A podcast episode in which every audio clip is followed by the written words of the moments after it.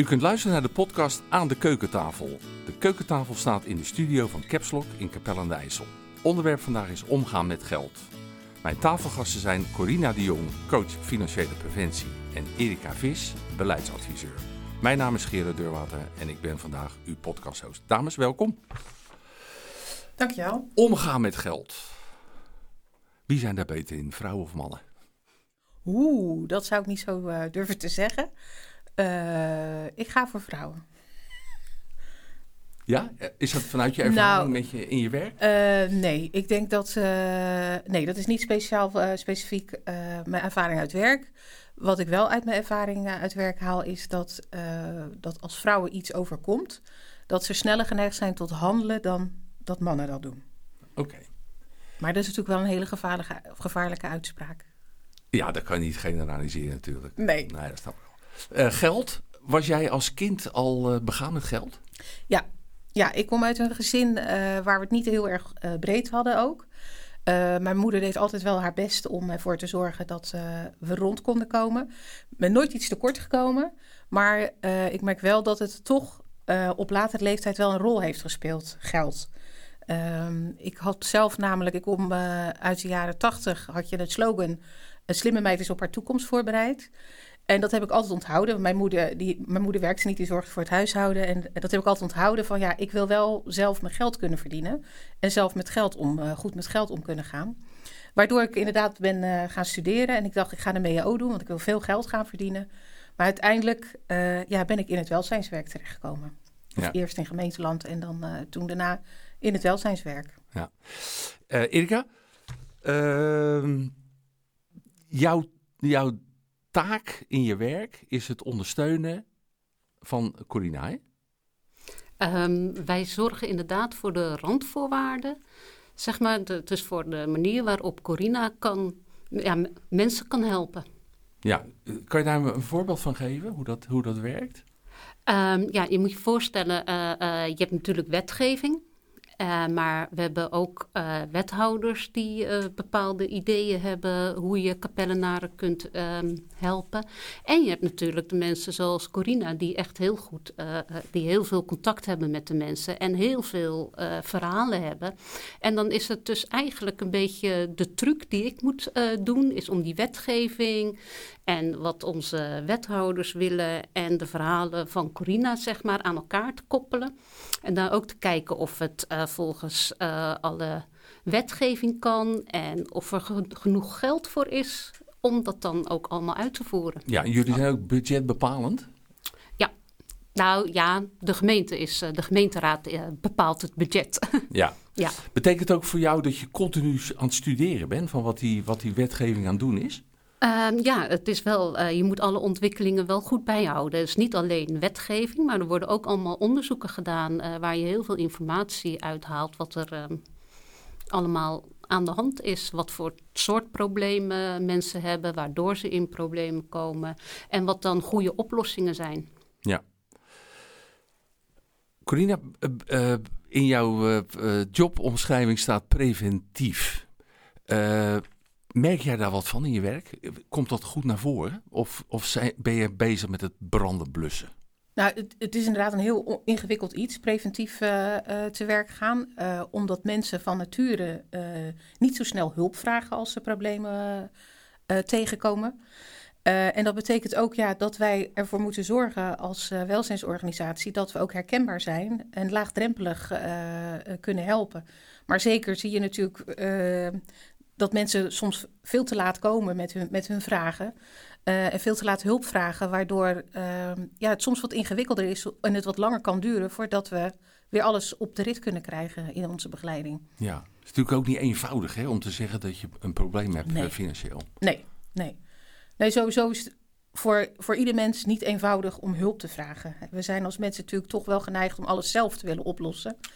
En zelf toegeven dat er iets niet goed gaat en dat aan een, een organisatie hè, of zelfs ook in je netwerk kenbaar te maken, dat, dat, ja, dat is ingewikkeld. Ja. En wat we natuurlijk ook vaak zien is dat uh, mensen ook niet gewend zijn om hulp te vragen. Dus uh, het zelf willen oplossen of hun neus al heel vaak gestoten hebben, ook misschien met, uh, met hun netwerk zelf. En dat, ja, dat zo'n stap moeilijk is. Groot, ja. ja. Ja. Je doet het al een hele tijd, dus je was ook relatief jong toen je dat, uh, toen je dat ging doen. Kan je dat nog een beetje herinneren hoe dat ging? Want hoe, hoe, wat, wat is jouw status in zo'n, in zo'n verhaal? Iemand komt met een, met een probleem en dan ben je toch relatief jong. Ja. Hoe werkte dat toen? Nou, ik, ik ben zeg maar gestart. Uh, uh, nou, ik ga niet helemaal mijn cv vertellen, inderdaad. Maar uh, ik ben in 2000 gestart bij de gemeente Capelle. En bij de afdeling Sociale Zaken als inkomensconsulent. En toen was ik inderdaad ook wel jong. En was zelf ook nog wel eens in de veronderstelling van ja. Ja, tuurlijk, wij zijn hier om het geld, maar we moeten wel goed kijken of je er recht op hebt. En, um, en nou, dat zorgde wel eens natuurlijk voor botsingen, want je ging erover of dat iemand wel of geen uitkering uh, ging krijgen. En eigenlijk naarmate ik ouder werd en ervaring kreeg in het werk, kwam ik ook steeds meer achter de verhalen van ja, het is allemaal niet zo zwart-wit zoals het soms lijkt. Um, en dat is nu, na al die jaren dat ik nu werk, heb ik die ervaring zeker meegenomen. Uh, ik heb ook een aantal jaren, uh, uh, dan werkte je vanuit kantoor en kwamen mensen, maar op een gegeven moment kreeg ik een functie dat ik ook op huisbezoek moest gaan. En ja, dan zie je dat de verhalen steeds dichterbij komen. Je bent bij de mensen thuis. Hè. Mensen vertellen ook andere dingen dan als ze bij jou op kantoor zijn. Ja, en dan komen de verhalen wel los. En die ervaring heb ik in de afgelopen jaren zeker opgedaan. Waardoor ik ook uh, merk dat ik veel laagdrempeliger nu ben dan dat ik misschien uh, ooit was in het, uh, in het hele begin. Ja, hoe is, dat voor, hoe is dat voor jezelf? Neem jij die problemen mee naar huis ook s'avonds? nee, nee, nee, nee. Ik heb inmiddels, en dat is ook wat je leert als professional, dat je de mensen heel graag wil helpen. maar dat de mensen uiteindelijk kun je ze helpen en begeleiden, maar ze moeten het ook zelf gaan doen. Dus mijn hulpverlening bestaat ook uit van mensen op weg helpen. Maar ze ook zeker leren om ook zelfstandig dingen te ondernemen. Want dat is voor een mens ook goed om dat uh, uiteindelijk ook te doen. Maar als je natuurlijk ergens middenin zit, hè, je hebt heel veel problemen, dan zie je dat zelf niet meer. Dan heb je even die ondersteuning nodig uh, ja, om te kijken van waar moet ik beginnen, wat is mijn eerste stap. Maar de hulpverlening bestaat wel om het uiteindelijk, uh, een voorbeeldgevend, als iemand helemaal in de financiële problemen zit, tassen vol met administratie heeft. Het eerste wat je dan misschien doet, nadat iemand natuurlijk zelf hulp heeft, heeft gevraagd, om, uh, ja, ga zelf beginnen vast met die ongeopende enveloppen. Dat is een hele kleine opdracht, maar ik kan een hele grote opdracht voelen voor de mensen die, uh, als een grote opdracht voelen voor de mensen die je helpt. Ja. Gaat er, gaat er niet ontzettend veel tijd in zitten dan ook? Ja, er gaat zeker heel veel tijd in zitten, wil, uh, wil men het op orde krijgen. Maar daarom hebben wij ook uh, vrijwilligers. Uh, die werken in het administratiecafé. En die ondersteunen ons ook bij, ja, bij de begeleiding van, van de bewoners in Capelle. Ja. Omdat die wel wat meer tijd hebben dan om, om die administratie op orde te krijgen. Ja. Dus dat doen we samen met onze vrijwilligers. Ja. De problematiek van 20 jaar geleden, financieel, en nu, is dat anders? Uh, nou ja, financiële problemen is natuurlijk van alle tijden. Uh, wat we wel zien is, want financiële problemen staat nooit op zich, is nooit alleen maar dat iemand financiële problemen heeft. Maar je ziet wel dat de complexiteit toeneemt in gezinnen. Dus de, de problemen worden wel wat complexer. Waar komt het door, denk je? Ik denk dat de, uh, maar dat is echt helemaal vanuit mezelf ook gezien, dat uh, de samenleving ook wel wat complexer is. Hè. We hebben natuurlijk nu ook uh, zo'n anderhalf jaar zitten we in een situatie met corona, um, waardoor dat ook ingewikkeld is. Um, en als mensen dus bijvoorbeeld hun baan kwijtraken, misschien door corona, en vroeger andere uitvluchten hadden die nu niet kunnen, uh, worden ze heel erg op thuis aangewezen, waardoor het uh, ja, zwaarder kan zijn. Uh, en mensen, als mensen het zwaar voelen, dan is het ook heel moeilijk om in oplossingen te kijken en te denken en te doen. Ja. Heb je dat ook gezien toen be betaalmiddelen veranderden? De, de, de, de, de invoering van de creditcard en, en nu de bitcoin. Zie je daar... Zie je daar... ja, met de bitcoin, daar heb ik zelf heb ik dat niet. Wat ik wel heel erg uh, de afgelopen jaar heb gezien, het, ook het, de, het sociale systeem is wat ingewikkeld worden, bijvoorbeeld met de toeslagen van de Belastingdienst. Want daar zien we ook dat daar gewoon heel snel uh, problemen ontstaan als dat fout gaat. Als mensen bijvoorbeeld uh, hun inkomen groot wordt en ze gaan van een uitkeringssituatie en ze gaan werken, dan, ja, dan wordt men geacht om dat door te geven aan de Belastingdienst. En mensen denken vaak, oh, de belasting weet wel, dienst weet wel wat ik verdien, waardoor ze dat niet op tijd doorgeven. Uh, en dat betekent dan weer op het moment dat het gecorrigeerd wordt. En dat is altijd later, want je krijgt je, je toeslagen krijg je eerder, dat is zijn voorschotten. Um, ja, dan kan het wel eens zijn dat daar een fout in zit, uh, omdat iemand toch meer inkomen heeft uh, gehad. En, dan vinden al die terugbetalingssystemen gaan aan de slag. Waardoor als je niet zo'n hoog inkomen hebt, dat ja, moeilijker is misschien om dat, dat dan terug te gaan betalen. Ja. Dus het, is ook wel, het systeem is ook wel wat ingewikkelder geworden. Ja. Heb je daar overleg over?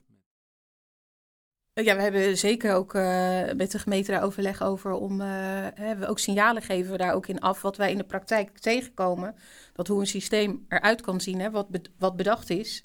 Uh, hoe we dan daar oplossingen voor kunnen bedenken. Alleen ja, zoiets als de Belastingdienst is natuurlijk niet lokaal. Dat is natuurlijk een landelijke regeling. Ja, zie jij die knelpunt ook, Erika, ook in je werk? Um, ja, zeker. Um, een concreet voorbeeld is bijvoorbeeld als je als uh, nieuwkomer, dus als statushouder, kom je in Capelle wonen en dan vraag je, uh, er worden toeslagen aangevraagd, huurtoeslag of ehm, zorgtoeslag. En dat komt dan later. En die toeslagen, vooral als je, je komt in Capelle en je hebt helemaal niks meer, zeg maar. En die toeslagen heb je echt wel nodig om ook gewoon eten te kunnen kopen. Nou, eh, daar uh, hebben we dan ook met het ministerie overleg over. En, uh, maar dat, nou, dat is dan allemaal moeilijk, moeilijk, moeilijk, zeg maar. Dus dan kijken we wel lokaal van, ja, hoe kunnen we dat oplossen? En dat is bijvoorbeeld door bij de uitkering een extra lening te geven aan de mensen, zodat ze wel gewoon hun boodschappen kunnen doen en hun betalingen kunnen doen. En op het moment dat de toeslagen dan binnenkomen, dan kunnen ze die lening weer terugbetalen. Dat soort oplossingen zoeken we wel. Ja, en die moet jij vervolgens weer in de gaten gaten houden dat, dat die mensen het allemaal niet dubbel uitgeven. Ja, bijvoorbeeld. Ja. ja. Corina, uh, de praktijk. De praktijk is dat uh, mensen over het algemeen uh, te laat bij jullie komen.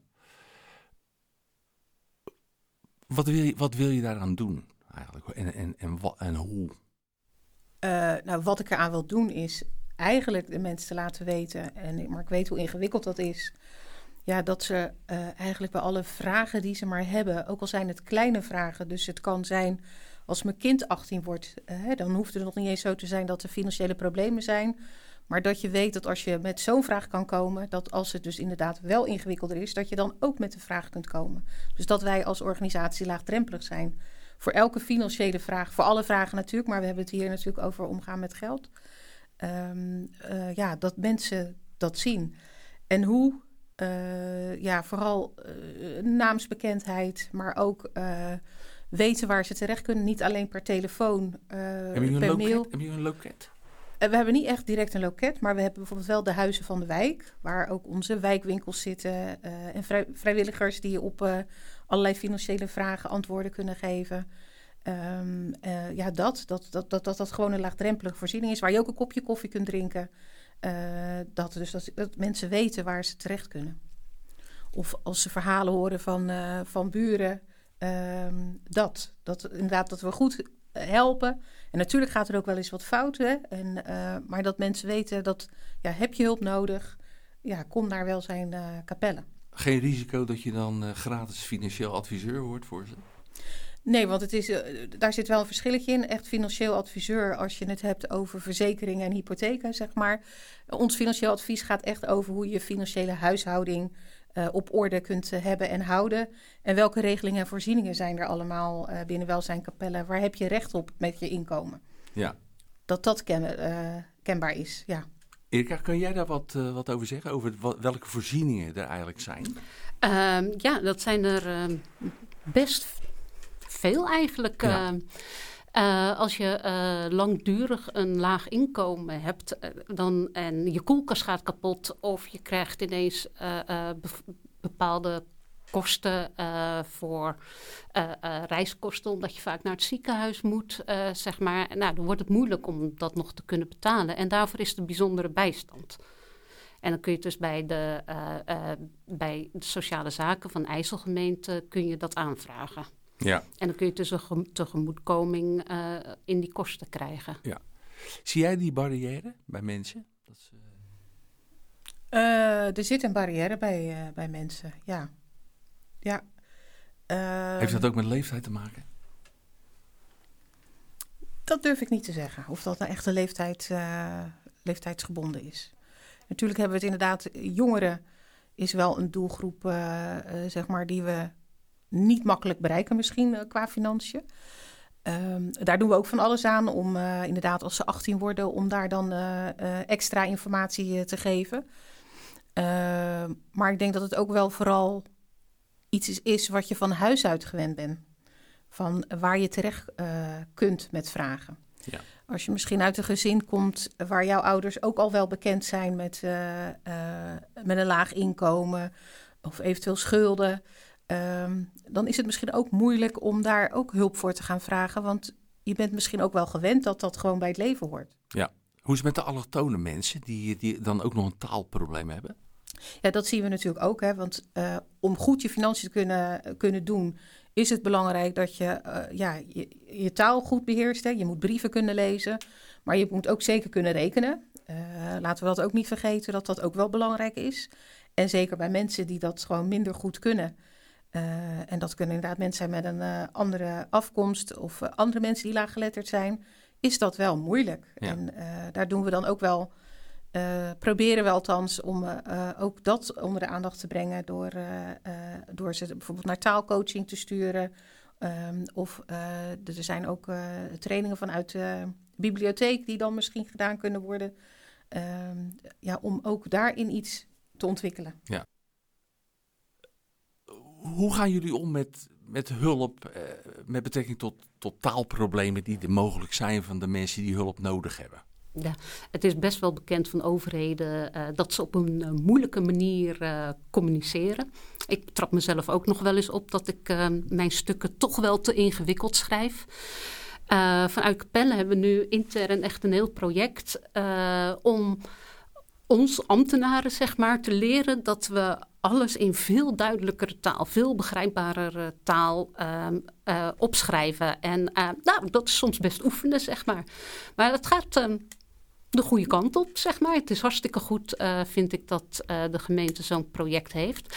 En daarbij denk ik, wat ook wel heel belangrijk is, uh, ja, als je door Capelle fietst, je ziet natuurlijk allerlei mensen van verschillende achtergronden. En die mensen die krijgen ook allemaal banen en die werken ook in Capelle en ja. die spreken gewoon meerdere talen. Die spreken Nederlands, maar ook de taal van huis uit en soms nog meer talen. Ja.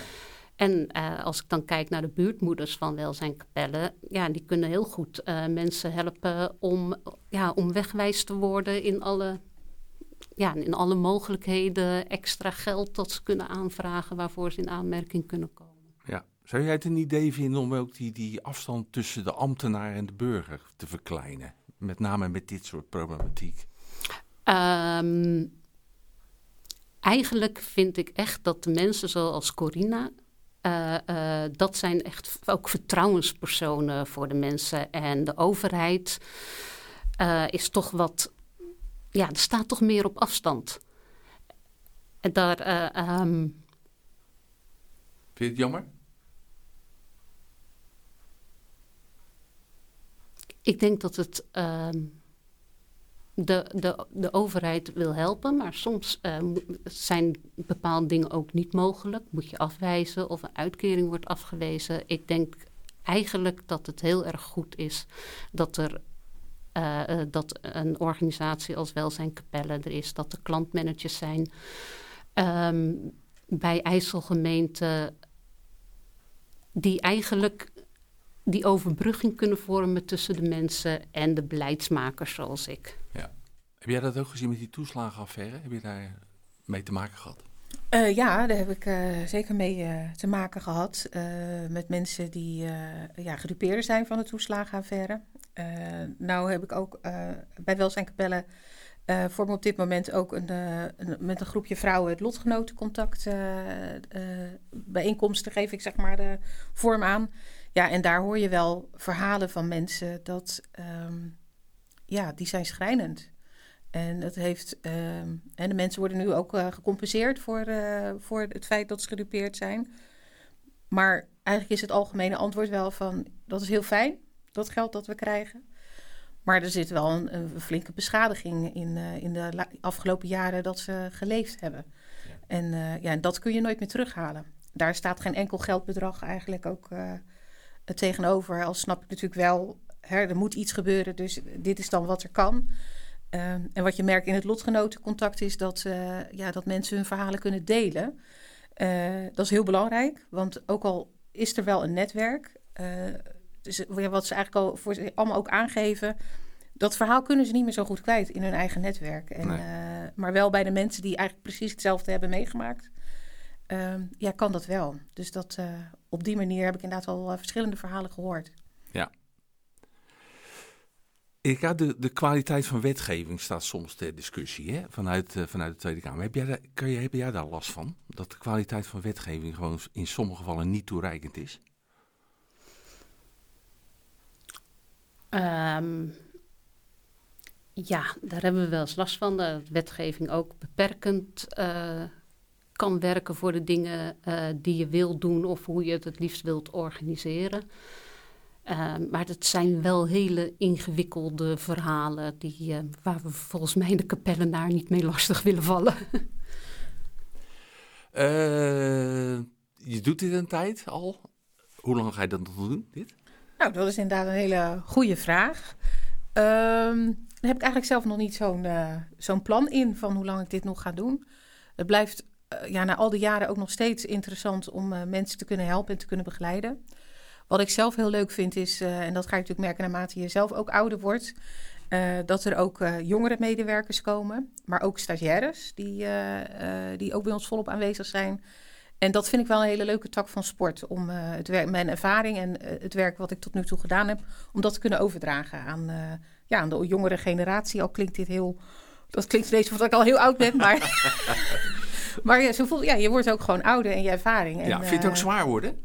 Nee, Nee, ik vind het juist het werk uh, minder, minder zwaar worden. Ik denk naarmate je, je ouder wordt en je ervaring meeneemt, ook je levenservaring, uh, dat het. Ik vind het makkelijker. Ja. Het begeleiden van mensen. Ja. Hoe, hoe, hoe ervaar jij dat, Erika, zelf? Um, wat ik mooi vind om te zien is um, dat de afgelopen jaren, eigenlijk sinds die wetgeving uh, naar de gemeente is gekomen, uh, dat we toch veel meer kijken naar wat mensen nodig hebben in plaats van hoe je de wet moet toepassen. En dat vind ik eigenlijk leuke van mijn werk, dat je dus echt de, grenzen van de wet uh, opzoekt. En om toch te kijken hoe je mensen op de beste manier kan helpen. Want niemand is hetzelfde. En als, dus moet je ook niet alle mensen op dezelfde manier willen helpen. En dat, dat je dus meer maatwerk kan bieden als gemeente, dat vind ik echt puur winst. En dat maakt mijn werk ook leuker. Ja, je hebt politi politicologie gestudeerd. Uh, zien we jou ooit in de Tweede Kamer? Nee. Waarom niet? Um, nou, eigenlijk heel simpel. Ik hou er niet zo van om op de voorgrond te treden. Nee, maar je zou wel wat kunnen doen met, eh, met wetgeving natuurlijk, hè? Ja, dat kan ik nu ook. Ja, precies. Maar eh, wil je niet liever richting Den Haag? Nee, ik, ik, ik heb juist bewust voor gekozen om bij een gemeente te werken. Om, ja, omdat je meer, uh, ja, meer met je uh, voeten in, de klei. in de klei staat. En dat je, ik vind eigenlijk dat ik, uh, ik heb in Den Haag gewerkt bij de Vereniging van Nederlandse Gemeenten. En ik vind eigenlijk dat ik hier in Capelle uh, meer kan bereiken en daardoor ook meer voldoening in mijn werk heb dan, uh, dan dat ik in Den Haag zou zitten. Gaan we nog een oproep doen aan de burgers van Capelle? Ja, ik denk dat dat goed is. ik denk op het moment dat je dit luistert als Capellenaar en loopt rond met het idee van ja, het gaat eigenlijk niet. ik loop toch wel wat tegen wat dingen aan ja, kom bij ons langs, uh, maak een afspraak en we, gaan, uh, we kijken mee uh, waar we mee kunnen helpen en kunnen begeleiden als het nodig is. Of geef informatie en advies. Ja. Ik, ja, alle... ik, ik kan dit echt alleen maar onderschrijven. Ehm, als, als je niet rondkomt met het inkomen wat je hebt, ga naar de wijkwinkel, praat erover, want je bent niet de enige. En, um, en ook als het een, een kleine schuld. Als je nog een kleine schuld hebt, kom dan ook, want ook dan kunnen we je helpen. En, en wacht niet tot het echt helemaal boven je hoofd groeit. Ja.